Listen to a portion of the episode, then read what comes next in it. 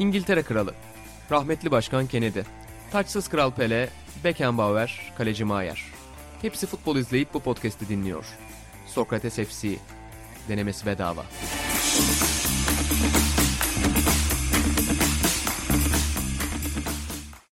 Sokrates FC'den herkese merhabalar. Ben İnan Özdemir, Ratan Altınordu ve İlan Özgen'le birlikte yepyeni bir bölümde karşınızdayız efendim. Bildiğiniz gibi her hafta futbol gündeminin nabzını tutuyoruz Sokrates FC'de ama bu hafta son dakika gelişmesiyle başlayacağız programımıza. Öncelikle Atan geçmiş olsun sana. Niye? Son dönemde alınan kararlar sonrası Ata Lokantası da yepyeni bir yola giriyor öyle değil mi? Ya sağlık olsun bunlar. Olur yapacak bir şey yok. İnşallah bu bütün bu pandemi işlerinden artık bu aşılar maşılar sürekli bütün detaylarına hakimim aşıların abi. O, kadar sıkıldım ki durup durup aşı haberleri okuyorum ya. Baba öyle bir dedin ki ata lokantasında aşı üreteceksiniz gibi. Ata lokantasında aşı üretmeyeceğim. Ata lokantasında paket servis yapacağım. Gel al servis yapacağım. İnan yani biraz Ata'nın morali bozuk ama yani şunu söyleyeyim. Bugün uyandım işte işler biraz yoğundu. Sana teslim etmem gereken bir yazı var. Biraz böyle kafam yoğun. Ama iPad'i elime aldım ve ya atılan bir tweet aç karnına İlhan Özgen bu kadar güler herhalde. Atağının gerçekleri öğrendiği ve lokantanın adını taşıdığını öğrendiği o tweet bitirdi beni. Yani bir kez Ya- daha bu adam beni aşırı güldürdü yani. İlhan bir şey söyleyeyim mi? Ee, ya şimdi söylemesem daha mı iyi bilmiyorum ama şimdi oraya da böyle ilgi çekmek istiyormuş gibi olacağı için yazm yazmak istemiyorum da podcast'e girmeden 5 dakika önce amcamdan mesaj geldi. Bu imkansız dedi. Kendi anılarını anlattı. Ben lisedeyken işte babam daha yedek parça işindeydi. Yardıma gidiyordum vesaire. imkansız dedi. Hani böyle kesin bir kanıtla gelmedi ama amcam baban yazmış yanlış yazmıştır. Bir sene sonra iki sene sonra bence diye iddia etti. Bu da bir iddia bilmiyorum. Biraz Osmanlı'nın kuruluş tartışmalarını hatırlatıyor. yani Halil İnalcık da Halil İnalcık da hep kuruluş tarihinin yanlış olduğunu söyler. Yani orada bir 3 sene oynama olduğunu söyler. Ata Lokantası'nın kuruluş tartışması da hakikaten çok önemli ki benim bir başka arkadaşım daha var Ata senin gibi. Yani o da kendi ismi mi restorana verilmiş, restoran mı ona verilmiş uzun süre çözememişti ama belgeler konuşmuş. Bakalım. Neyse. İnan Dur bir saniye konuya Ha, geçmeden şunu da pardon. söyleyeceğim. Artık Ata Lokantası paket servis ve Sokrates FC dinleyicilerinin hepsini Sanayi Mahallesi'nde yemek sepet hesaplarının başına bekliyoruz öyle değil mi? Aynen öyle. Ya da İnanın nerede daha- yemek sipariş ediyorlarsa. daha yemek sepetinde yokum. Ee, ama yakın yakında yakında olacağım. Yakında Telefonla o olacağım. zaman Ol size ulaşıyoruz değil mi? Telefon, mail, Ata Lokantası mail grubuna ekleyebilirim. Hep Gerekirse yazanları da. Twitter'dan Twitter'dan et Atan Alta da yazabilirsiniz. Ya Onu bunların takip edemiyorum abi. Gün içinde yani sosyal medya sıfıra yakın. Hatta sıfır diyebilirim. Yine de halkımızı bekliyoruz sanayiye. Sanayi Mahallesi civarına gelin. Bir şekilde yemek siparişinizi verin efendim. Kardeşim çok Ee, uzattın. Yakında Cem Pekdoğru bizden sponsorluk ücreti isteyecek. Tamam kapat Ata Lokantası muhabbetini. Borçlu çıkacağız. Bugünkü konumuz da güzel. Bu arada e, Öykü'den bir televizyon sesini kısmasını rica edeceğim. Bu eskiden Türk televizyonlarındaki gibi. Yankı yapıyor Öykü Hanım. Aynen. Will Smith konuşuyor çünkü karşımda ki manyak oyuncudur o da yani. Will Smith. e, İnan bir de oğlunu çok severiz seninle. aynen Jaden Smith o Justin Bieber'la oynadığı o klip hakikaten o Jaden Smith'i neyse. Gerçekten never çok say never. Burada. Never Say... Acayip bir şarkıydı Never Say Never. Buradan Jaden Smith'e de selam edelim. Bugünkü konumuzu da İlhan Baba önerdi aslında. Baba yani milli maç arası zaten maçlar güzel olmuyor. Türkiye maçı kötü. Baktım dün yine yabancı sınırı falan tartışılmaya başlanmış. Şenol Güneş'in maaşı tartışılmaya başlanmış. Bu konulardan uzaklaşalım dedik ve İlhan Baba'nın bir önerisi oldu. Baba sana bırakıyorum söz. Ya evet bu karmaşalarda benim branşımı ne kadar sevdiğimi bir kez daha hatırlıyorum. Çünkü ortalık karışıyor ve ben şeyim şu anda yani yazmam gereken yazı, yapmam gereken röportajlar. Cumartesi Atan'la isim vermeyelim. Bir 80'ler ikonuna gideceğiz filan. Bir Ya, başka 80'ler ikonu röportajı var. İnanılmaz iple çekiyorum. İnanılmaz iple çekiyorum. İşte Anlatamam sana. 80'lerin bir başka büyük takımının perde açılmadan önceki halini filan yazacağım falan filan. Onun için çok mutlu oluyorum yani. Hani futbol tarihinin içinde kalmaktan daha da mutlu oluyorum bu karmaşa anlarında. Tamamen yani hiç haberim yoktu neler oluyor neler bitiyordan sadece aklıma geleni söyledim. Üçümüz de eski futbol programlarına değil sadece spor programlarına çok hasta olan, çok zaman geçiren çocuklarmışız, gençlermişiz. Onun için spor programlarını konuşalım dedim. Şimdi ve daha önceki yıllarda, geçmişte izlediğimiz, ettiğimiz bizde iz bırakan programları. Peki burada size bir soru soracağım. İkinizin de yaşı benden daha büyük ve e, özellikle Atağan'ın geçmiş hafızası kuvvetli. İlhan babanın zaten genel hafızası kuvvetli. Atağan belli bir noktaya kadar çok kuvvetli gitmiş. İlk yani ilk spor programı aklınıza gelen ne? Ya en eski mi yoksa ilk aklımıza gelen mi hani böyle? hayır en, hayır en eski en eski ya ilk hatıranın olduğu spor programı televizyonda hatırlıyor musun onu? Abi ya şeyler falan dahil mi buna? İşte HBB'de Avrupa'dan futbol. Tabii tabii dahil. Ha, tamam Onda benim dahil. o zaman o abi. Kolombiya maçlarını izliyordum deli gibi. Yani onlar kaldı aklımda. Aspiriye Maspiriye hayrandım. Mutlaka hatta bu podcast'te de bahsi geçmiştir. HBB'de sabah akşam futbol izliyordum ama şeyler de ya ondan önce bir de tabii maçları izliyordum. Hani bu futbol programı dersen ama o Avrupa'dan futbol, dünyadan futbol. Avrupa olmuyor tabii Kolombiya. O yüzden dünyadan futboldur herhalde. İlhan baba senin? Benim de TRT'nin o Avrupa'dan futbol bir ara saati bile belli olmazdı böyle. Bir anda karşına çıkabilirdi ve Belçika liginden tam senlik liglerimiz vardır ya Belçika, Moldova falan böyle. Yani oradan bile özet olurdu. Atan HBB dedi. HBB'de de böyle ilginç futbol videoları olurdu. Misal Ajax altyapısının bir videosu vardı. Biz geçen programda onu anlattık Buğra'yla bir. Onları filan ilk HBB'den izlemiştik. O açıdan ilginç bir kanaldı. Amerikan futbolu maçları filan olurdu ama ilk o Avrupa'dan futboldur herhalde. Türkiye içinde de şeydir. Hıncal Uluç'ta Erman Toroğlu'nun kale arkası. İlk aklıma gelen odur yani. Ya benim açıkçası yani sonradan biraz gördüğüm ve en yetişemediğime üzüldüğüm şeylerden biridir. Yani bir televizyonculuk fenomeni ki sonra geçen sene remake'ini çektiler. Pek tat vermedi. Yani böyle ilk programda falan zaten en eğlenceli taraf eski görüntülerin olduğu kale arkası programıydı. Ben maalesef garip bir şekilde ilk Şansal ve Erman'ı hatırlıyorum. Yani burada benden büyük insanlardan ismiyle bahsettim de öyle anıldıkları için söylüyorum. Saygısızlık olarak değil yoksa Şansal abiyle öyle muhabbetimiz yok ya da Erman Toroğlu'yla. Ama benim ilk maraton galiba hatırladığım insanların konuştuğu futbol programı. Yoksa mesela televizyonda falan işte rally programları, NBA programları falan görüntüleri hatırlıyorum ama konuşan insan olarak nedense onlar geliyor aklıma. Ben spor programın dışında bir de şey çok aklımda kalmıştı ya. Söyle şunun adını Atahan hatırlar onu bak. Mustafa Deniz diye ATV'de spor haberi sundurmuşlardı. Kocaeli Spor'dan ayrılıp milli takıma geçmeden önceki ara olması lazım. Mustafa Deniz de ATV'nin haberler sonrasındaki spor haberlerini sunuyordu. İlhan Gerçekten vallahi mi? hatırlamıyorum. Yani Vallahi şey ama. vallahi hatırlamıyorum. Şey bu magazin programlarını her hafta bir ünlü su- sunuyordu. Pazar sürprizi onun gibiymiş ya. Ben hiç hiç hiç yok hafızamda. Allah Allah. Belki Cem hatırlar. Baba ilginç bir gerçek bu arada ama yani Mustafa Denizli ismi şaşırtmadı orada. Çünkü tam böyle hani Mustafa Hoca'nın yapacağı bir işe benziyor. Yani onun bir versiyonu biliyorsun haber bülteni sonrası Güneri Civaoğlu vardı ama Mustafa Denizli'nin çok ilginçmiş seçim olarak. Valla yani inşallah Atahan'ın böyle hatırlamaları olur ya öyle bir şey yoktur bazen. İnşallah öyle bir şey değildir Yok ama. yok e, yok vardır mutlaka. Sadece şey hiç hatırlamıyorum. Şu an gereksiz girdim araya. Rica ederim babacığım. Peki baba kale arkasıyla başladın orada. Kale arkası Türkiye'de bu hakem tartışma muhabbetinin de ilk başladığı programlardan biri öyle değil mi bir yandan? Çünkü daha önce Evet, futbol evet. konuşuluyor. Futbol konuşuluyor ama futbol genelde eğlence programlarında bir garnitür olarak da kullanılıyor be- belli anlamlarda. Yanlış Hatta mıyım? işte kale arkası, kale arkası ilk öyle başladı diye hatırlıyorum ben zaten. Bir pazar programının içindeydi. Daha sonra ayrı bir program oldu onlar.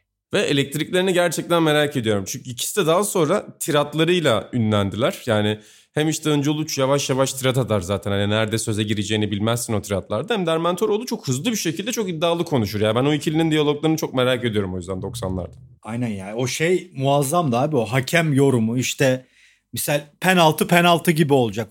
Ben iddia ediyorum orada çıktı o laf yani. Hani daha önce Türkiye'de kullanıldığını düşünmüyorum o lafın. İşte el, elle oynama mı, ele çarpma mı? Yakın mesafede oyuncu elini kaçırabilir mi, kaçıramaz mı?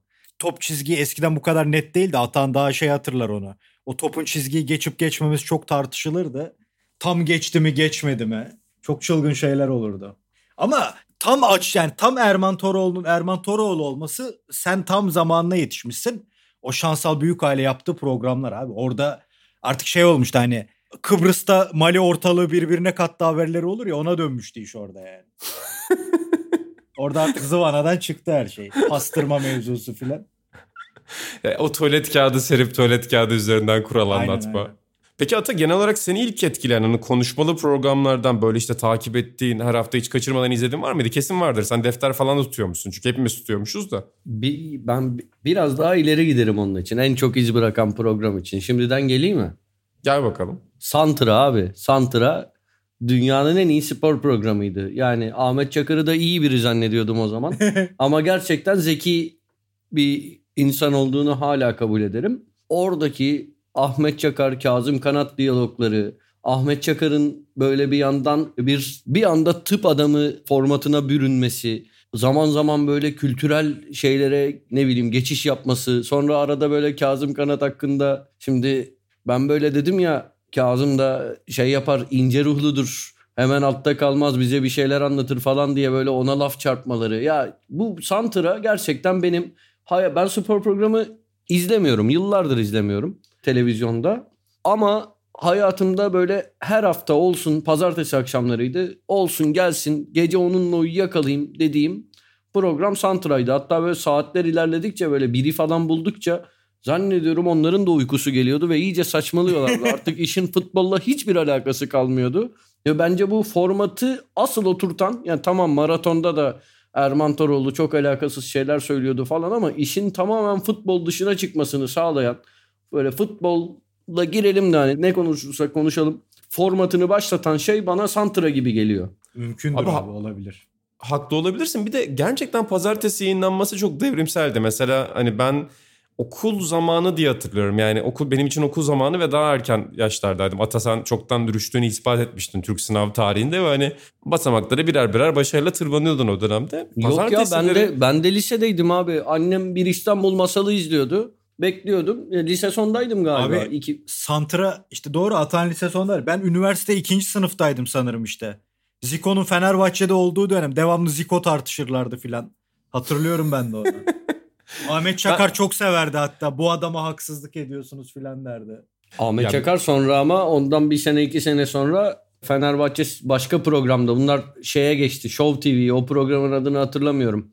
Evet ee, Serdar yani, Bali falan vardı. Ha Serdar Bali, Hakan Can. Ya kim ya böyle birkaç kişi daha vardı şimdi onları tek tek hatırlamıyorum da. Fenerbahçe seviyeye elerse bikini giyerim muhabbeti yapmıştı. Sonrasında işte Fenerbahçe seviyeyi eledi. Bir sonraki program Aynen. merakla bekleniyordu. Ahmet Çakar bikini giyecek mi, giymeyecek mi? En son böyle bir saati var onun konuşacağım. Bir saati var bekleyin bekleyin. Saat 12 falan oldu galiba. Ahmet Çakar'ın böyle bir tiradı var. Önce şey dedi. Işıkları kıstırdı böyle. Rica ediyorum dedi. Işıkları kısa, loş bir ışık verir misiniz? Sol alta bir kırmızı nokta koyar mısınız deyip konuşma yapmıştı. Evet baba yani bunları yapan ilk insan o olabilir cidden doğru diyorsun. Evet. Ve Yo, a, a, er, Erman Toroğlu bu kadar zıvanadan çıkmıyordu haklısın yani. Şansal abi kendine getiriyordu hemen. Ama abi sana bir şey söyleyeyim mi? Benim gerçekten gerçekten hayatım boyunca Türkiye'de gördüğüm en istikrarlı insanlardan biri Erman Toroğlu. Erman Toroğlu 20-25 sene önce maratonda neyse şu an hala o. Benim duygum da hiç değişmedi aynı. Ne böyle çok çok kötüye gitti. Çok aşağılık işlere bulaştı. Ne hani kendini değiştirdi. Böyle bir e, tarz değişikliğine gitti. Aynı adam. Çok istikrarlı biri. Yani fiziksel anlamda bir tarz değişikliğine gitti son yıllarda. Yok ben o onu hariç tutuyorum. ha, sen sen üslup olarak Biz senin gibi şekilci değiliz inanım. Biz insanların sözlerine bakıyoruz. Yani şöyle söyleyeyim. Senin hakikaten bahsettiğin o işte Türkiye'deki ekran futbol komiği tiplemesinin iki örneği olarak zaten yayıldılar. Yani hep taklitler de onlar üzerinden türedi baktığın zaman. Yani bugün spor programlarında konuşan bütün insanlar hemen hemen ya da büyük çoğunluğu diyeyim ana akım medyada Erman Toroğlu ya da Ahmet Çakar taklidi yaparak bunun üzerinden bir şeyler bulmaya çalışıyor ama bir yandan da hala çok nevi şahsına münasır oldukları için muhabbet anlamında ki kendilerini çok tekrar ettikleri de açık e, alıcı bulmaya devam ediyorlar o anlamda. Ama dediğim gibi pazartesi olması çok ilginç bir detay orada. Bir İstanbul Masalı da güzel bir detay hatırladın orada. Bunlar senin hatırladığın yıllardı ki o da sürükleyici ve çok reyting alan bir diziydi. Ama daha önce sen ben Orkun galiba Yerleşik Krallık'ta konuşmuştuk. Yani Santratar'ın en ünlü muhabbeti hala Şak yani Shaquille O'Neal üzerine olan bir muhabbet. Adam yani. değildir. Adamsa Miami'yi şampiyon yapsın. Ya o gerçekten ki galiba Yerleşik Krallık'ta da söylemiştim. Benim en sevdiğim kısımlardan biri orada Ersin Düzen diyordu galiba. Hocam yapmayın ben sabahlara kadar NBA izliyorum. Yani o Türkiye'de e, benim bir spor programında gördüğüm en komik yakarışlardan biriydi. Ve yani hocanın hakikaten 5 dakika dinleyen birine Shaquille O'Neal'ın adam olmadığına inandırabilmesi e, oradaki üslup yeteneğini gösteriyor. Abi bu arada bir şey söyleyeceğim. Hatta iki şey söyleyeceğim. Birincisi şimdi burada bunu örtülü söylemek zorundayım. Magazinel bir olay olduğu için. Ahmet Çakar'ın Ersin Düzen'i böyle çok zor duruma soktuğu bir an daha geldi aklıma. Ersin Düzen'in bir ilişkisini o dönem evliliğe doğru giden bir ilişkisini canlı yayında açıklayacak noktaya geldi. Ersin Düzen hocam yapmayın yapmayın yapmayın diye bayağı terlemişti. Bir o. İkincisi abi Erman Toroğlu ve Ahmet Çakar taklidi dedin. Ki burada önce şeyi de anarım hatta belki birazdan bahsederiz. Şoray Uzun'un e, Erman Toroğlu taklidi gerçekten gördüğüm en iyi taklitlerden biriydi. Ve Atağan'ın Öncesi- Şoray Uzun hayranlığını anlatacağım. Ya size. Şoray Uzun hayranlığım yok Ee, ama Kadir Savun taklidini tabii. Ya inanamıyorum o taklide. Bu- İnanamıyorum yani. Ya gerçekten inanamıyorum. Ama, ama şey de güzeldi. Erman Toroğlu da güzeldi. Fakat benim asıl söyleyeceğim şey bu değil. Bir program daha vardı. Yanlış hatırlamıyorsam adı Son Kale. Reha Muhtar, Ahmet Çakar, Er- Erman Toroğlu bir arada. Of of of. of. Orada Reha Evet. Muhtar bir şaka tezgahlamıştı. Yavuz Seçkin Fatih Terim olarak şeye bağlanıyordu, yayına bağlanıyordu. Ahmet Çakar'a böyle sert çıkıyordu. Böyle gergin bir telefon konuşması. Ahmet Çakar da böyle çok papuç bırakmadı. Hatta sonra şaka olduğunu anladıktan sonra ben cevap verdim işte. Papuç bırakmadım tarzı böyle sanki bir şeyi vardı. Sözü vardı. Öyle kalmış aklımda. O da bence bu spor programları tarihinin unutulmazlarındandır. Yo gerçekten çok iyi. Of ya bu Fatih Mahdi değil ya gibi bir repliği vardı orada. Burada sözü Evet en son İlhan Baba'ya bırakmak isterim. bir İtalyan atasözü söylemişti Yavuz Seçkin. Yok işte Nas Çimento Çimento falan bir şeyler söylemişti. Orada Ahmet Çakar e, uyan, uyanmıştı. Neyse sonra devam ederim. Susuyorum. Burada İlhan Baba sen Şoray Uzun demişken yani Atan yok mok dedi ama geçen gün yine gruba bizim WhatsApp grubuna Şoray Uzun'un Erman Hoca taklidini attıktan sonra ya Ben böyle tip- komik böyle komik bir şey olamaz falan filan diye bir paylaşım yapmış. Eski toplantılarda da belirtiyordu bunu. Tabii ben de tweet'i beğendiğini gördüm. Bu arada Ahmet Çakar, Lucescu benim dediklerimi çevirmiyorsun Güntekin de muazzam olaydır. Onu da hatırlatalım. Tabii. Ahmet Peki- Çakar, Lucescu tartışmasında. Peki baba İnan- bu ah, Şoray, Şoray Uzun Uzun'u evet evet Hı. yani Atağan'ın Şoray Uzun'un taklitlerine karşı bir şeyi var, zaafı var. Çok sever ki bence de Erman Torol hakikaten muazzam bu arada da. Bir, sanırım dördüncü sayı toplantısında böyle bir talebi de olmuştu. Hatta yani bu, bu adam Bağış abi ve Onur Erdem'i suçlayarak sizin kafa yapınızda olsa bu dergiye çoktan girerdi filan diye ardarda arda vurdu tokadı. Çok sert bir savunmaydı o Şoray Uzun hakkında. Ve o yani başka bir açıdan benim hafızama kazınan muazzam bir toplantıydı. Yani yıllar evvel aramızdan ayrılan çok sevdiğimiz bir abimizi dergiye röportaj için önerdiği muazzam bir toplantıydı yani. Bağış abinin yüzüme bakışını hala unutamam yani. Baba kimdi o abimiz? e, röportaj yapılmak istenen. Ya Şoray Uzun'u önermesinin sebebi Kadir Savun taklidi. Hakikaten yani Haldun Ergüvenç'ti sanırım o şeyi dublaj yapan abimiz sanatçı, tiyatro sanatçımız. Allah rahmet eylesin. Kadir Savun'la bütünleşmiş bir sesi var. Özellikle Kadir İnanır'la bu Kadir İnanır'ın 80'lerde o mafya olduğu, baba olduğu filmlerde onun fikir adamı olur ya Kadir Savun'da. Oradaki o taklidi muazzam hakikaten Şoray Uzun. Atan da buradan Şoray Uzun övdü. Daha sonra da bir bölümümüz vardı bizim tek pas. O mu bu mu? Orası için Kadir Savun'u önerdi. Ama Kadir Savun henüz ben ilkokul 2'deyken ölmüştü. Yani ben 1986 doğumluyum işte. Yani hani Bağış abinin benim yüzüme bakıp oğlum Kadir Savun ölmedi mi lan İlhan diye soruşunu. yani Bağış abi bile bir kere daha düşündürdü ulan. Kadir Savun yaşıyor mu yaşamıyor mu? Ya Ve Atağan'ın İlhan- Kadir Savun öldü dediğimizdeki o yüz ifadesi o yıkılma anı muazzamdı. Ne diyorsun Kadir Savun öldü mü diye. Yani Allah rahmet eylesin 20 sene önce vef- 25 sene önce vefat etmiş adam. Büyük bir andı benim için. İlan geçen gün Sencer'le bir hafta sonra, iki hafta önce, üç hafta önce şey açalım dedik. YouTube'dan böyle kahvaltı ederken Bülent Ortaçgil işte konseri falan açtık. Sencer sonra oradan başka birilerinin performansını açtı. İşte Yavuz Çetin'e baktık, Erkan Oğur'a baktık falan. Ya Sencer dedim bunların hep canlı kaydı var. Ya Fikret Kızıloğlu'nun hiç böyle konser videoları falan yok. Niye lan dedim. Sencer gülmeye başladı. Kadir Savun'u hatırlattı. Yani tamam Fikret Kızılok'un çok önce aramızdan ayrıldığını biliyordum ama o an idrak edemedim. Hiç öyle konserleri falan niye YouTube'a yüklenmiyor diye düşünüp benzer bir an yaşadım. Bu arada Ama- ne zaman ne zaman vefat etti Fikret Kızılok? Bak ben bilmiyorum bunu. Yani Ben e, lisedeydim Tahmin ya. ediyorum da hani tarihi olarak çok mu eski? Ha. Yok, Abi yok, ben şey lisede falan- yani do- böyle do- 90'ların sonu veya 2000'lerin başı. O kadar 2000'lerin da başıdır o. Tamam o kadar da olabilir. eski değilmiş. Tabii Ya tabii çok- bunda. Atağan'ın çok suçu yok canım. Yine 20 sene olmuş. Tabii tabii ama yani Barış Manço'nun, Cem Karaca'nın 70'lerden konser kayıtları falan çıkıyor ya sen artık bu gelişen teknolojiden bir arz meselesi bu yani. Hani ulan olabilir. bin tane konser çıkmış bunu da çıkartın diyorsun. Haklısın orada. Ama Kadir Olabilir, Salun çok olayı muazzam yani. bir şeydi. Yani o o feryadın, o isyanın harika bir şeydi.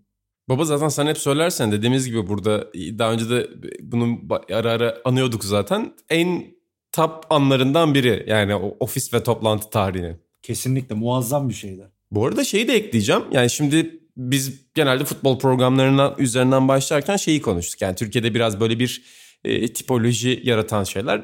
Ama tabii ki bu programlarda açıkçası mizah malzemesi vermekle birlikte Türkiye'de futbolun ve sporun tartışılma biçimini çok zehirleyen bir tarafı da vardı aslında Türkiye'de. Kesinlikle. Bizim az önce andığımız tarzda programların. Burada Ata sana bırakacağım sözü. Yani sen Türkiye'de bu programların tamamen sonra işte beraber de konuşuruz ki birazdan daha farklı örneklere de geçeriz. Türkiye'de bu programların tamamen moda olmasının ve reyting almasının genel anlamda bütün medyayı çok kötü etkilediğini düşünüyor musun? İnan öncelikle seni takdir ediyorum. Eleştirdiğim gibi takdir etmesini de bilirim.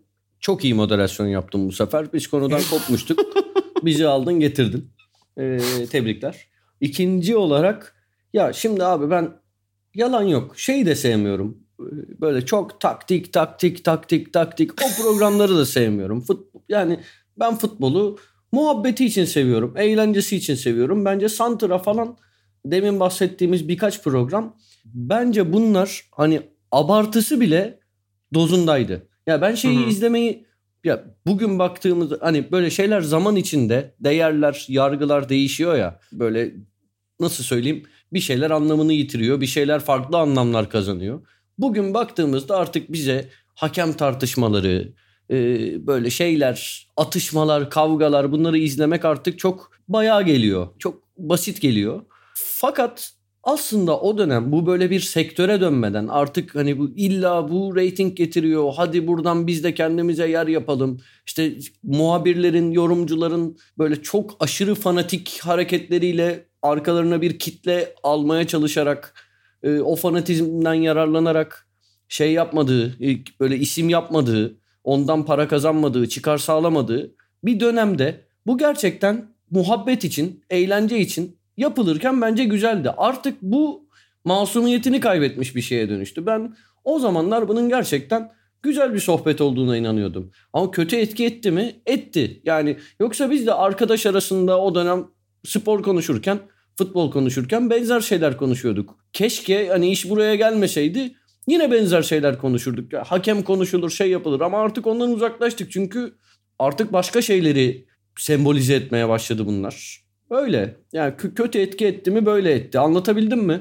Yo anlattın. Ya şöyle bir yanı olduğunu düşünüyorum ben biraz da bunun. E, Söylediklerinde haklı da olabilirsin ama biraz uzakta olmalarının da bu programların ve programcıların belli günahlarını gizleme tarafı da var tabii ki. Yani bu programlar tamamen daha saftı demiyorum. Bence de biraz daha düzeyliydi en azından şu andakine göre. Zaten bu programlarla birlikte başlayan reyting yarışı işi öyle bir noktaya getirdi ki artık daha fazla rezillik, işte daha fazla belden aşağı vurmak, işte daha kötü iddia ortaya atmak ya da birbirine fanatizm yapmak, işte ona yaranmaya çalışmak derken şu anda herkesin birbirine baktı, işte bağırdı. Tirat attı. Tirat atılmayan anlarda da herkesin Twitter'a baktığı bir gündem var biliyorsun. Şu an spor ve tartışma programları Evet. aynı gidiyor. Hatta Rezil. Hatta Bekir Ardır'la konuşurken işte Konda'dan Bekir Ardır şey demişti bize. Ya Türkiye'de demişti siyaset programları çok net bir şekilde futbol programlarından etkilendi demişti son 8-9 senede. Şu anda siyasetin ki eskiden de siyaset programları işte o meşhur Perinçek, Ertuğrul Kürkçü videosunda gördüğümüz kavgalara sahne oluyordu ama ya şu an futbol programlarında da siyaset programlarında da böyle sözü en belden aşağı noktadan alıp tabii ki iktidarı sırtına aldıktan sonra bunu yapıyorsun. İktidarı sırtına aldıktan sonra sözü en belden aşağı noktaya getirip en paylaşılabilecek hale dönüştürüyorsun 3-4 dakikalık bir thread halinde ve çıldırıyorsun. O çıldırma anları işte bilmem ne stüdyoyu terk etti bilmem ne şöyle yaptı öyle bir şey dedi ki derken öyle bir köpürdürdü ki son yıllarda aslında bizim bu yol haritasını koyduğumuz programlardan gelinen nokta sporun artık tartışılmayacağı bir nokta oldu Türk spor basınında ve Türk spor televizyonlarında. İnan hani bir insana ne kadar katılına, katılınabilirse şu an sana o kadar katılıyorum. Tamamen hani benim araya girip söyleyeceğim şeyleri söyledin. Benim de az önce söylediklerim ah eskiden işte Santra ne güzeldi, Ahmet Çakar ne kadar güzeldi, masumdu gibi algılanmıyor değil mi? Sadece Yok e, yok. Ha tamam. Sonrakiler onun paradi, parodisine döndü. Hani ben bunu söylüyorum ve giderek onun tamamen sadece kötü yanları işlenip de bu noktaya geldik. Yoksa o şeyler falan rating işleri şeyde bile bırak spor programlarını yani hep söylüyorum. Maç anlatan spikerlerin bile bir kısmı slogan laf söyleyeyim TT olalım işte falan yani her iş şeyi geçti. Neyse sustum. Bu taşı inanama attı hocam. Hayır hayır inana falan atmadım. Düşün, düşünsene baba öyle şeyler Aynen. demeye başlıyorum ya işte, İnan. sen de canlı yayını terk et şu an ama canlı yayında değiliz. İnan dergide her ay birbirinize cevap yazıyorsunuz. Öyle bir raddeye gelse bu iş. Abi az önce bahsettiğim o son kale programı öyle bitti. Reha Muhtar, Ahmet Çakar bir Bülent Uygun bağlanmıştı. Reha Muhtar Ahmet Çakar'ın konuşmasına izin vermedi. Bülent Uygun'a soru sormasına izin vermedi. Birbirlerine yazılar yazdılar. Reha Muhtar sezon sonundan itibaren programa katılmayacağım. Sen kimsin ey Ahmet Çakar diye yazılar yazmaya başladı. Ahmet Çakar tam tersi. Öyle biten program var. Beyler bence bunun e, kendimce açıklayabildiğim nedeni özellikle bu şifreli yayından sonra yayın haklarının belli bir kanalda kalması ve onu her sene sorunlar eşliğinde e, dağıtıma geçmesi. Yani bazen hatırlıyorsunuz sadece bir kanal yayınlayabilirdi. Bazen hiç kanal bulunamıyordu o parayı verecek filan. Böylece yani rating yapan bir şey var spor programları ama onun ana pası alabileceği ana unsur olan maçlar yok elimizde. Bunu da nasıl daha izlenebilir kılarız deyip biliyorsunuz İtalyanlar hala daha geçerli Berlusconi'nin yayıncılığından beri mini etekli kadınları kullanırlar. Bizde de Türk halkının sevdiği bu kavga, ağız dalaşı bence bir stil olarak seçildi ve tuttuğunu gördüler. Buradan da iş derinleşe derinleşe, saçmalaşa saçmalaşa buraya kadar geldi gibi geliyor. Yani ana unsur o yayın hakları ve maç yayınlarının her yerde, her kanalda olmaması ama çılgın gibi özel kanal açılması ve spor programlarının bir şart olarak görülmesi böyle bir formül çıkardı ortaya gibi geliyor. Baba çok çok doğru bir noktaya temas ettin ki verdiğin İtalya örneği de çok doğru. Mesela işte bu Berlusconi üzerinden bahsedilir. Sen de dergiye daha önce yazmıştın. Aslında dünyanın başka yerlerinde de örnekleri var. Yani mesela şu an Amerika'da da aslında çok güldüğüm oranın belli açılardan Ahmet Çakar'ı ya da Erman Toroğlu'su olabilecek Stephen A. Smith var mesela. Her videosu adamın her reaksiyonu milyonlarca like alıyor ama adam basketbol konuşmaya çalıştığında bir şey konuşamıyor. Çünkü aslında bir kaynağı yok elinde. Türkiye'de de senin bahsettiğin şey çok önemli. Yani elimizde görüntü yok ne satacağız biz bu insanları dediğinde. Milliyetçilik satıldı, kavga satıldı. Fanatizm. Milliyetçilik fanatizm satıldı. Milliyetçilik derken şeyi de çok kastediyorum. Yani işte yabancı düşmanlığı, yabancı futbolcu düşmanlığı Aynen. ya da daha sonra bu tam tersine dönüştüğü versiyonlar da oldu. Şu anda tam tersi versiyonları da görüyoruz. Yani bu kilit kelimeler üzerinden hakikaten bir tamamen bir ne kadar rating alırsak o kadar iyi kavgasına dönüştüğü için aslında spor programları bugün bu çerçeveden yayınlanıyor. Zaten bunun zur- zurnanın artık son deliği de beyaz futbol oldu. Yani burada çok uzun uzun tartışmamıza gerek yok. Çok andık daha önce. Ama Türkiye'de artık spor konuşma biçiminin en dip ve en popüler noktası o oldu zaten. Deyip buradan e, bir başka bir örneğe geçeceğim. Hani şimdi daha geyik programlar üzerine konuştuk ama sporu konuşma biçimimizi belirleyen yani işte analitik zekasından şu tarafından çok beslendim dediğiniz programlar deyince aklınıza ne geliyor? Yani bu inanılmaz entelektüel, taktiksel falan olmak zorunda değil. Yabancı bir program da olabilir, bir video da olabilir. Yani şununla tanışmak benim için çok büyük bir değişimdi dediğiniz neler var? İlhan Baba sana sorayım öncelikle. Ya biliyorsun benim öyle bir durumum yok yani de Türkiye'den söyleyebileceğim ya keşke şöyle bir iş yapabilseydim diyeceğim bir program var. Futbol değil ama biliyorsun eski NBA basketbol hastalığımı benim. Ee, ve en azından yani bunu buradasın diye söylemiyorum. Şu an o seviyede bir program yapan birisin. Ee, o programdan bir abimiz de Kaan Kural'la NBA Stüdyo benim için ve e, birlikte vakit geçirmeyi çok sevdiğim kardeşim Kahraman Özgen için ayrı yerdedir herhalde spor programı olarak. Hastasıydık. Tam ben, o kadar ben de onu devamlı diyecektim. bir spor programı izlediğimi hatırlamıyorum. Ve tekrar söylüyorum şu an o kalitede işi devam ettirdiğin için de seninle ayrıca gurur duyuyorum. Teşekkür ederim. hakikaten. Yok. E, estağfurullah çok Ama ben. NBA'yi takip etmiyorum maalesef eskisi gibi. Baba yani söylediğin nokta çok önemli. Gerçekten de birkaç kuşak üzerinde hani böyle de bir spor programı yapılabilirmiş şeyini ilk doğuran programlardan biriydi. Çok daha önce kesinlikle çok güzel şeyler. Mesela işte Murat Montano'nun draft programları vardı tek başına Asist, bir kanal. asisti unutmayalım Sine 5'teki. Evet aynen hani burada sakın şey anlamasın insanlar. Türk spor tarihinin en büyük programlarını sayıyoruz gibi bir şey. Aklımıza gelen kişisel muhabbetimizi yapıyoruz her hafta olduğu gibi. Mesela Murat Anoğlu'nun bir şey İnancım, programı özür vardı. dilerim. Tabii çok özür buyur. dilerim. Şunu söyleyelim. Murat abilerin asisti misal çok severdik ama abi Sine 5 kafasına göre şifre koyup koymadığı için bazen şifresiz izliyordun bazen şifreli. Bir süre sonra izleyici olarak alışkanlığını unutuyordun. Öbürü açık kanaldaydı ve ne kesin izliyorduk. Açtık mı tak diye karşına çıkıyordu. Yoksa asiste de full ulaşabilseydik o da aynı değeri taşırdı basketbol sever olarak büyük ihtimalle. Ee, bir de şey vardı baba işte dediğim gibi. Onun bir tane Süper Sport mu bir kanal vardı. Hatırlamıyorum şu an kanalın Hmm. ne olduğunu. Evet. Orada bir NBA draft programı yapıyordu. Hatta benim LeBron James'in ilk adını duyduğum yerdir orası. 2001 ya da 2002 başı olması lazım. İşte şöyle bir genç geliyor. Gelecek sene NBA'in bir numaralı draftı artık bir tartışma konusu bile olmayacak falan diye bir program yapıyordu. Ama NBA Stüdyo'nun şeyi çok acayipti. Yani segmentasyon. Bugün mesela YouTube'da da aslında yapmaya çalıştığımız şey o. Hani seyircileri ilgisini yüksekte tutmak ve bunu çok sansasyonel bir şekilde yapmamak için belli yollar belirliyorsun sonuçta. İşte o programın başındaki inenler çıkanları, işte o Muazzam. programın sonunda e, işte başında verilen soruyla birlikte dağıtılan ödüller, programın içerisindeki konu akışı, işte Kaan abinin bizim için o dönem çok yeni olan ya benim için en azından benim gibi spor iz- izlemeye yeni başlayan biri için işte çok yeni olan daha analitik bakışı, biraz daha farklı bakış falan.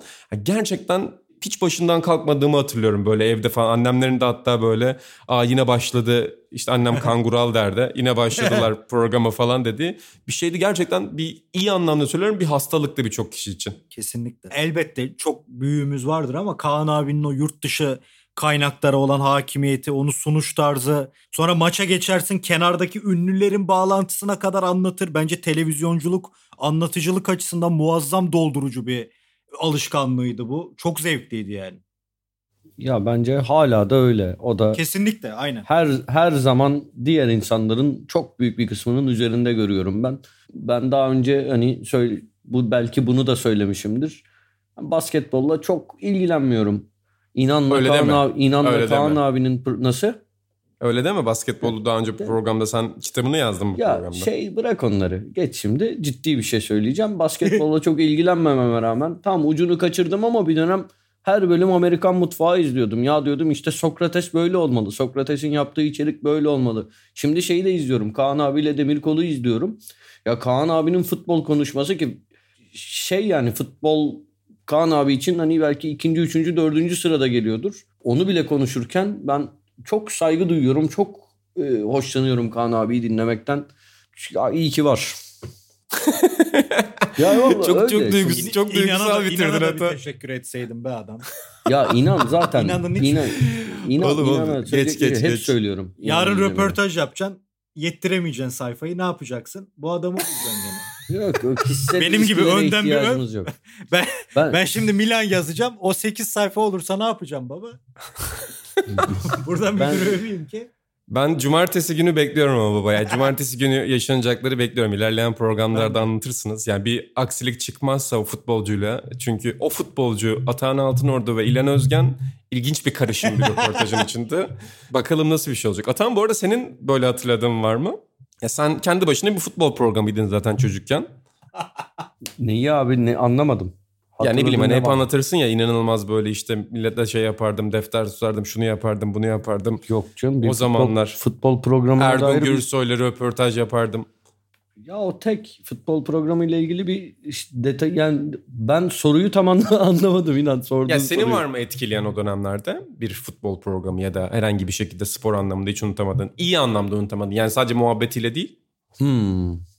Ya şimdi ya var aslında da bugün baktığımda ya şey yapmak istemiyorum. Bu insanları övmek istemiyorum. Vaktiyle çok şey öğrendiğim, çok saygı duyduğum insanların Eyvah. zaman içinde dönüşümlerini görmek böyle şey oldukça ya neyse bir şey söylemek istemiyorum var ama İnan şöyle şöyle diyeyim arada- vaktiyle NTV Spor'dan çok şey öğrendim. Güzel. şeyde Türk televizyonculuk tarihinde kafa yapısı olarak, içerik olarak en ilginç programlardan biri olan Bağış abiyle Banu ablanın programında kahramanlarından biri Atahan Altınordu. Yani burada aslında o programlardan bir yıldızı da konuk ediyor. Evet Yani. baba. Yani yani ben hakikaten o programdan Atan'ı ilk görmüştüm ve programı 5 dakika izleyince fark ediliyordu zaten. bir programcı olarak orada fark. Ki Atan'ın o dönemde maalesef bazı programdan uzaklaştığı süreler de oldu çeşitli e, sıkıntılar nedeniyle. Atan anlatmak ister misin? Güzel bir anı o da. Yok abi o benim için bir travma. Bunu bunu umuma açık yerlerde anlatmak istemem. Tamam okey. Şimdi seyircilerimiz merak etti ama artık yapacak bir şey yok. Belki bir sipariş verirler, bir lokantaya gelirler. Orada dinlerler senden bir gün. Evet, birebir sohbette söyleyebilirim. Ben de Atahan'la o programın Dünya Kupası özel programında tanışmıştım. İlk kez 2014'te. Ya vallahi şey çok bence de güzel bir programdı. Kesinlikle abi Ne? güzeldi yani. Öyle. Bu arada bir şey söyleyeceğim. Atan NTV Spor demişken yani bir ekran fenomeni olarak tabii ki ilginç bir figür olarak söylüyorum.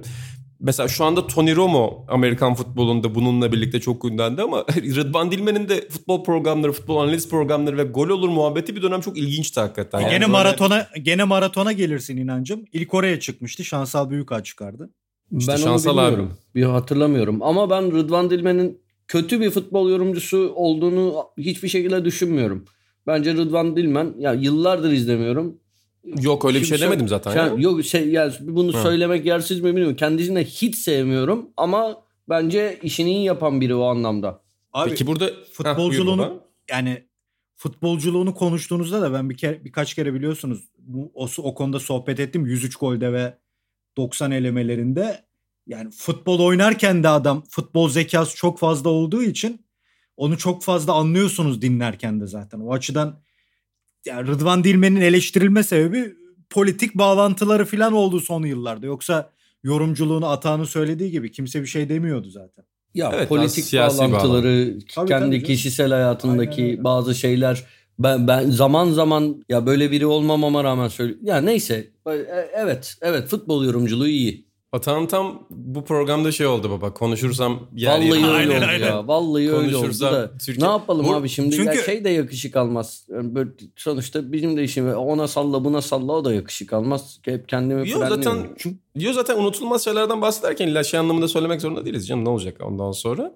Ee, burada İlhan Baba sana bir pas daha atayım o zaman. Şimdi sen de son yıllarda özellikle İtalyan programlarını çok fazla izlemeye başladın. İşte eski YouTube şeylerini falan yani resmen bitirdin İtalyan futbolun. Yok, estağfurullah, Orada. Berlusconi dışında yani Berlusconi kanallarının şeyini biliyoruz ama ya eminim orada da çok nitelikli olan bir taraf da vardır öyle değil mi programcılık anlamında? Ya olmaz mı canım? Geçen bahsetmiştim galiba radyo şeylerinden. Campionato Io Ti Amo diye bir radyo program var orada. Ben 1970'lerden başladım. 2000'e kadar full izledim. Birer saatlik sezon sezon.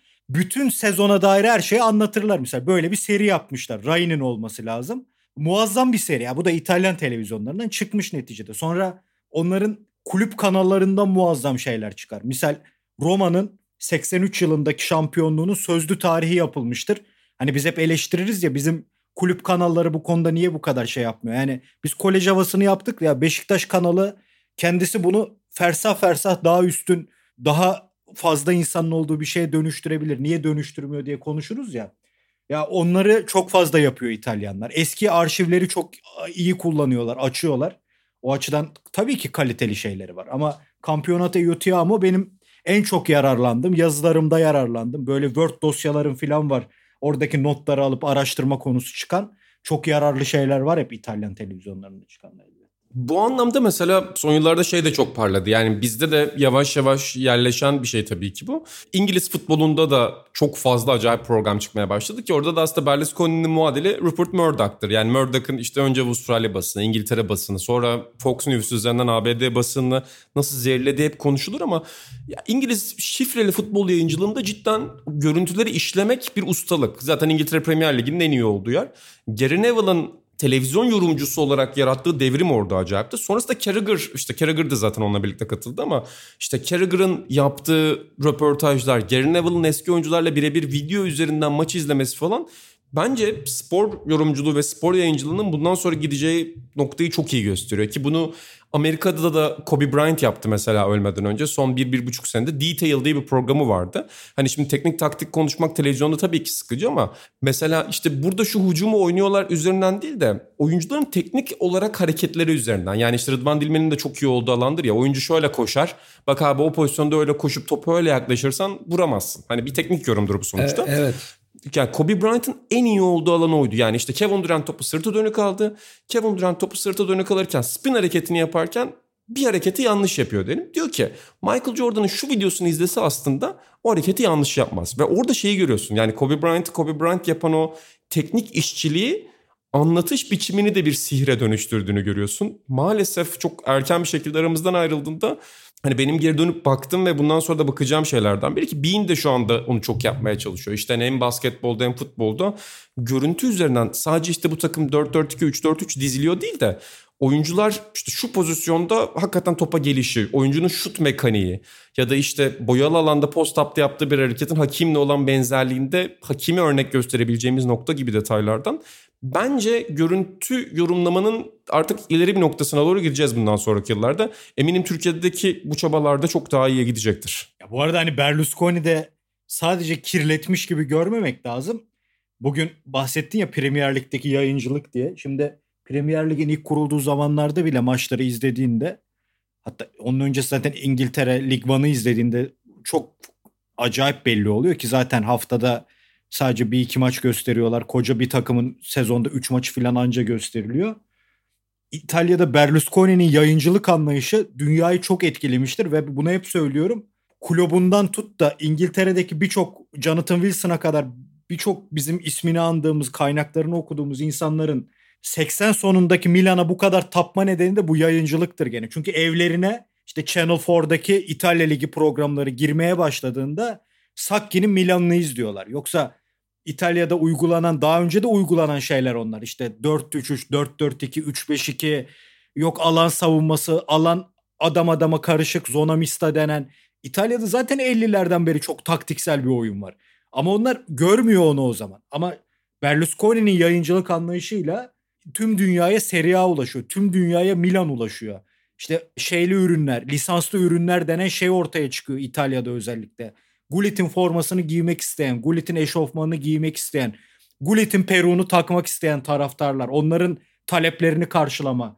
Ya bu bakıma da herif haysiyetsiz mahsiyetsiz ama o açıdan da futbolun pazarlama açısından muazzam işleri var ve dünyayı etkilemiş durumda. Yani NBA ve Serie A zaten Premier Ligi acayip ışık tutuyor birçok uygulamasıyla. Baba belirttiğin nokta çok e, değerli burada. Channel 4 dedin ya Channel 4'un şöyle bir etkisi var. İngiltere'de Tour de France yayıncılığı da Channel 4'dan geliyor ve orada izlendiği için mesela işte Bernardino'nun, Greg LeMond'un, Laurent Fignon'un 80 ortası 90 başı işte Sakki'nin olduğu dönem. Aynı dönem bisikletçiler mesela şu an İngiliz spor yazarlarının da en sevdiği şeydir. Yine 90 başında Pantani çıkar. Mesela sor İngiliz hakikaten bisiklet yazarlarına Laurent Fignon, Bernardino, Greg LeMond, Marco Pantani ki Pantani biraz daha sonraki döneme geliyor. Cidden İnan. hani o yayıncılığın doğru noktaya gelmesi çok önemli burada. Buyur Atacığım. İnan. Muazzam Bak şimdi demin övdük şimdi eleştireceğim. Bak 45 dakikamız doldu. Biz burada Halit Kıvanç demedik. Hüseyin Başaran demedik. Ümit Aktan demedik. Sabri Ugan demedik. 90 dakika programından bahsetmedik. Hıncal Uluç Haşmet Babaoğlu demedik. Şöyle bir Haşmet Babaoğlu ile ilgili başka şeyler söylemedik. Ya hiçbir şey demedik. Burada Greg LeMond, Pantani, Kobe Bryant ne yapıyorsun sen? Nereye varmak istiyorsun ya? Bu arada çok doğru bir şey söyledin. Geçen şey izledin mi? TRT'nin Avrupa'dan futbol e, band evet. kaydı görüntülerini. Bayıldım, bayıldım. O kadar çok... güzeldi ki. Yalçın Çetin ayrı Levent Özçelik, Hüseyin Başaran çok güzeldi. Bu arada bak size öyle o naiflikte birini söyleyeyim mi? Son dönemden. Yani son dönem dediğim yine 7-8 senesi var ama son yıllar benim ondan sonra bu kadar sevdiğim bir futbol programı olmadı. Fatih Uras Lig TV'de yapıyordu. Kalecinin seyir defteri. İzliyor hmm. muydunuz? Evet. Yok hayır ben izlemiyordum. İlhan Tabii ki izliyordum. İlhan ben bir Fatih Uras hayranıyım abi. O program Vallahi. itibarıyla. Yani o kadar güzel bir programdı ki. Öyle Kita- onu da söylemek Kitabı istedim. da ilginçtir. Evet, evet kesinlikle. Kalecinin şey adamın abdalı kaleci olurdu değil mi? Aynen öyle. Birkaç tane Yo, vardı. güzel bir no- o da iyiydi. Buyur. Ata, Ata, Ata güzel bir noktaya değindi. Cidden yani işte o Avrupa'dan futbol programlarının... Ya zaten başta dedim oğlum şimdi biz burada herkes onurlandırmaya kalkarsak yani öyle bir haddimiz de değil. Kimi Bırak niye onurlandıralım? Greg LeMond konuşmayalım be kardeşim. Gidelim, Yok haklısın. 90 dakika şey, konuşalım. O, yani o insanları hani sonuçta burada ben şaka çok... amaçlı sallıyorum sana. Biliyorum biliyorum. Bence, çok değerli insan. Ha buyur Bence baba. inan kardeşim çok güzel bir tamamlama yap. Teşekkür ederim inancım. Muazzam bir nokta koydun. yani İngilizlerle ilgili muazzam bir detay verdin. Teşekkür ederim ben kendi adıma. Bundan sonra baba artık bu kontekste onu da ekleriz programlarda konuşurken. Sakki yanarken. Ama e, Atan'ın dediği de çok önemli. Yani hakikaten son olarak da isterseniz onunla kapatalım. Yani çok değerli isimlerden bahsetti zaten. Ki birçoğu da hala e, bu sektörün içindeler. Ama 90 dakikada herhalde uzun yıllar boyunca en kilitlendiğimiz programlardan biri oldu. E, Hıncal abi nerede sözü verecek? E, Hıncal abiden sözü alan ne kadar süre görüşlerini ifade edebilecek ya da o hafta görüşlerini ifade edebilecek mi? Bunlar hep çok kritik sorulardı. Ya bu arada başkalarıyla özdeşleşmiştir ama böyle bir şey olabilir mi? O programdan Hıncal Uluç'un lafıdır. Yani unutuldu Kemal Kılıçdaroğlu, Ozan Tufan hani artık onlarla anılıyor ama Hıncal Uluç'un en sevdiğim iki lafından biridir. Diğeri de biri bana anlatsın. Bu iki laf 90 dakika programlarında her bölümde bir 8 kere falan geçerdi. İşte masaya vururdu sert bir şekilde. Ondan sonra böyle bir şey olabilir mi derdi ve hakikaten öyle bir şey olamayacağını düşünürdük. hakikaten acayip bir program. Ya o program babamla bizim için bir terapiydi de neyse oralara çok girmeyeyim. Çünkü ikimizin de birer tane hiç sevmediği insan vardı o programda. Deşarj oluyorduk sadece izleyip. Ama şey diyeyim o programda bazen edebiyat, felsefe olaylarına girilirdi. Orası acayip olurdu. Benim bir hatırladım. If I were in your shoes diye bir kalıp vardır yani senin yerinde olsam. Abi bunun üzerinden işte ayakkabı ve ayakkabının insan kişiliğini taşıma durumu, kişiliği yansıtma durumuna girilip programın uzadığı bir program biliyorum ben. Muazzam bir şeydi o. Herhalde birinin kramponunda mı bir şey vardı. Nedir böyle? Hani o İngilizce'deki o senin yerinde olsam kalıbı alındı ve bambaşka bir şeye gitmişti. Hiç unutmam o programın o uzama nedenini. Baba biliyorsun zaten sonra e, Nebil Özgen Türk'le birlikte de Yaşamdan Dakikaları benzer bir ekip evet. yaptılar. Zaten hani başta Kenan, Su, Kenan Suna yakın, vardı. Çok... Suna yakın falan girdi. E, işte hani Kenan Onuk sevgili vardı başta 90 dakikada sonra Allah rahmet oldu. eylesin. Aynen öyle. Bir dönem Mehmet Demirkol programdaydı. E, sonra da işte TV8'de Yaşamdan Dakikaları yapıyorlardı. Orada da şey segmentasyonu çok acayipti. E, Hıncal abi bir şey anlatıyor. Sonra Haşmet Babaoğlu'nun şiir okuma bölümü var. Yani bir tane haftanın şiiri, birkaç şiir. Mesela diyorlar ki işte çok güzel oldu Haşmet bir şiir daha oku. Cemal Süreyya okuyor falan. Bir de Suna Yakın'a bir hikaye anlatım bölümü koymuşlar. Ondan sonra yani o programın segmentleri kadar hakikaten beni güldüren çok az şey olur. Yani Suna Yakın bekliyordu böyle hikayesini anlatsın diye. Haşmet diyordu ki reklama gideceğiz ben daha şiir okumadım. Diyorlardı ki hadi Haşmet bir şiir oku ondan sonra reklama gidelim falan. Yani gerçekten akıl almaz bir programdı yaşamdan dakikalarda ama tabii 90 dakika kadar heyecan yaratmıyordu onu söylemek lazım. Abi bu arada Suna Yakın da şiir okuyordu. Hıncal Uç konuşurken Suna Yakın böyle derin derin uzaklara bakıyordu. Sonra bir anda Suna Yakın'ı şiir okurken görüyorduk. Sadece Haşmet Babaoğlu okumuyordu. Yok çok haklısın bu konuda. Ben de programdan önce Kahraman'ı aradım. Dedim ki Atahan Usta'nın telefonuna niye bakmadın? Ee, bir durum olmuş. Onun fırçasını attım. Ve işte, Konuştuk sonra ya. Biliyorum podcast'e gireceğiz biz de dedim. Konu ne dedi? Söyleyince aynen şunu söyledi. Hiç bak yani bir kelimesinin virgülünü bile atlamıyorum. İnan kardeşim dedi Adnan Aybaba'nın programa yelkenliyle gelmesini unutmayacaktır dedi. İnan'ı çok seviyor ama Adnan Aybaba hayranlığına ayrı bir hayran. Çünkü o da öyledir. baba, daha önce çok andım diye yani bu kadar hakikaten şey olmayayım diyor ama ya, hakikaten çok acayip bir olay. Padişah kıyafeti vardı, o vardı. Yani neler neler yoktu ki. Aynen. Yani siyaseten falan da çıldırmaları vardı onun o programda. Yani cidden cidden çok önemli bir hatırlatma. Kahramana da selam edelim. Burada Atan o zaman sana bırakayım sonra. En son kimi anmak istiyorsun buradan? Ya ana dediğim gibi anacağımız çok isim var. Ya burada bir Halit Kıvanç demedik. Çok yani hem döneminde hem sonradan TRT arşivin açılmasıyla birlikte internette e, hala izlemekten çok keyif aldığım programlar yapan televizyona inanılmaz bir ya neyse Halit Kıvanç abi o bari onu analım böyle saygıyla.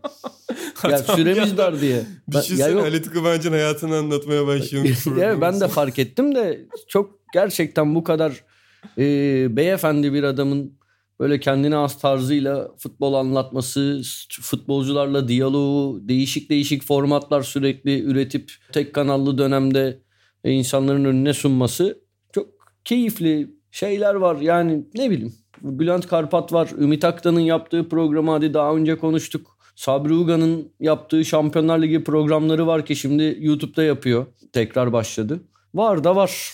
Atan Altınordu baba bizi utandırmak için e, herkese selam yolluyor programın Ya, sonunda. Hayır hep yani şimdi biraz dalga geçtiğimiz şeylerden de bahsettik bir yandan ama güzel olan şeylerin Ama de bence- hakkını verelim bir yandan. Bence her söyledim. şeyden bahsetmeye çalıştık ya.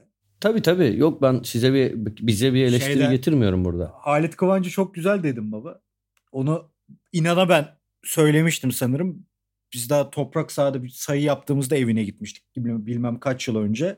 Bence Dünya Kupası tarihine geçebilecek insanlardan biri. Yani sadece futbolcular değil belli. Mesela Brezilya'da var ya bir abi 66'dan beri bütün maçları o anlatıyor. İşte İtalya'da vardır. Daha önce bahsetmiştik Martellilerden filan. Halit Kıvanç da gazetecilik ve spikerlik açısından hakikaten öyle bir yeri var. Biz evine gitmiştik. Fotoğrafları çıkarıyor abi. Overat'la kahve içtiği fotoğraf var. Ben şoka giriyorum. Ha Wolfgang Overat. Köln'e gittiğimde işte yanına gitmişim. Faket ile bir fotoğrafı var ya. O kadar normal karşılıyor ki. Ya bu adamlar çok büyük efsaneler ama ya adam onlarla iş dışında özellikle Almanlarla Almancası iyi olduğu için ve işte Türkiye'de Reuters'in falan galiba temsilciliğini yaptığı için acayip bağlantılar, acayip işler. Atağ'ın bahsettiği gibi TRT'de olsun. Sonra Dünya Kupası tarihini NTV'de işte yapmıştı. Yani mesela anlatacakları çoğunlukta belli şeylerdir biliriz ama ben şu an Halit Kıvanç çıksa gene izlerim şeyde yani NTV Spor'da filan. Açar beklerim yani ne diyecek Halit abi diye. O açıdan çok önemli bir insan hakikaten. Allah sağlıklı uzun ömür versin. Çok kıymetli Halit abi. Ee, Türkiye'de hem, hem Türkiye için hem de dünya için hakikaten önemli bir adam. İlham birini daha burada çok kısa analım mı? Cenk Koray. İkisi de birlikte çok güzel uyumları vardı. Bence Cenk Koray da çok güzel. Yani onun tabii ana alanı futbol değildi ama Tabii e, tabii. yani Halit abi çok dünyaya mal olabilecek bir adam abi. Çok mesela İngilizlerin filan elinde olsa hani onlar da var ya John Matson'lar filan. Hani o, o tarz seviyede bir adam cidden. Hakikaten Yüzde çok yüz. acayip bağlantıları filan. Ya Cenk Koray ayrı. Cenk abiyi severdik. O kalpten rahmetli olduğunda çok üzülmüştük yazın cidden. Çok sevimli, çok böyle tatlı bir adamdı televizyona yakışan ama Halit Kıvanç spor tarihi açısından çok kıymetli bir adam cidden. Baba yok çok haklısın burada. Yani sonuçta bizde o Hall of Fame olayı hiçbir sporda yok. Bırak yayıncılıkta olmasın. Hani Evet. sporda öyle bir şöhretler müzemiz olsa keşke spor yayıncıları da o anlamda olsa. Çünkü sonuçta yine atan kızacak da Amerika'da NBA'yi ya da sporu Bob Costas ya da Marv Albert olmadan konuşmaz insanlar. Ya da şu anda Mike Breen olmadan. Bizde de o ismin karşılığı Halit Kıvanç'tır kesinlikle ve birçok insandır tabii ki burada.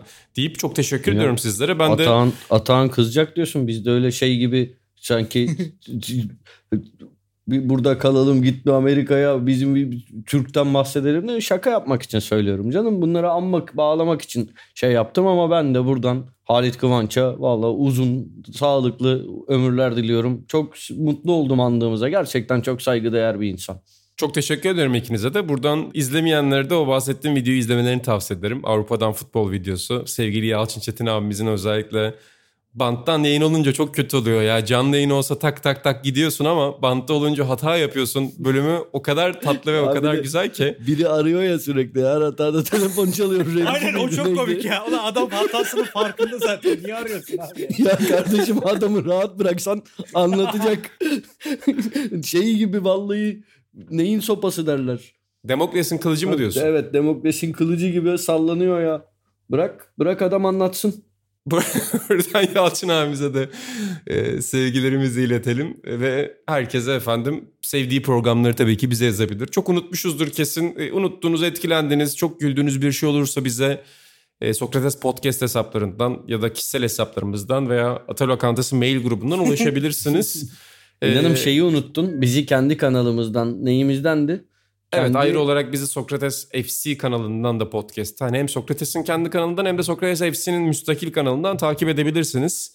Listelerde takipteyiz kendimizde. Bakalım bu hafta nerelerde olacağız efendim. Top of the Pops gibi izliyoruz o listeyi de. Gör- ne- neyse konuşmuyorum. Yine yine konuşmuyorum. Görüşmek Bunda da üzere konuşmuyorum. Atan Altınordu Konuşursam konuşmama kararı aldı. İbrahim Tatlıses gibi artık konuşmama Saygı kararı aldı. duyuyorum. Saygı duyuyorum İbrahim Saygı Tatlıses gibi. Görüşmek üzere. Hoşçakalın.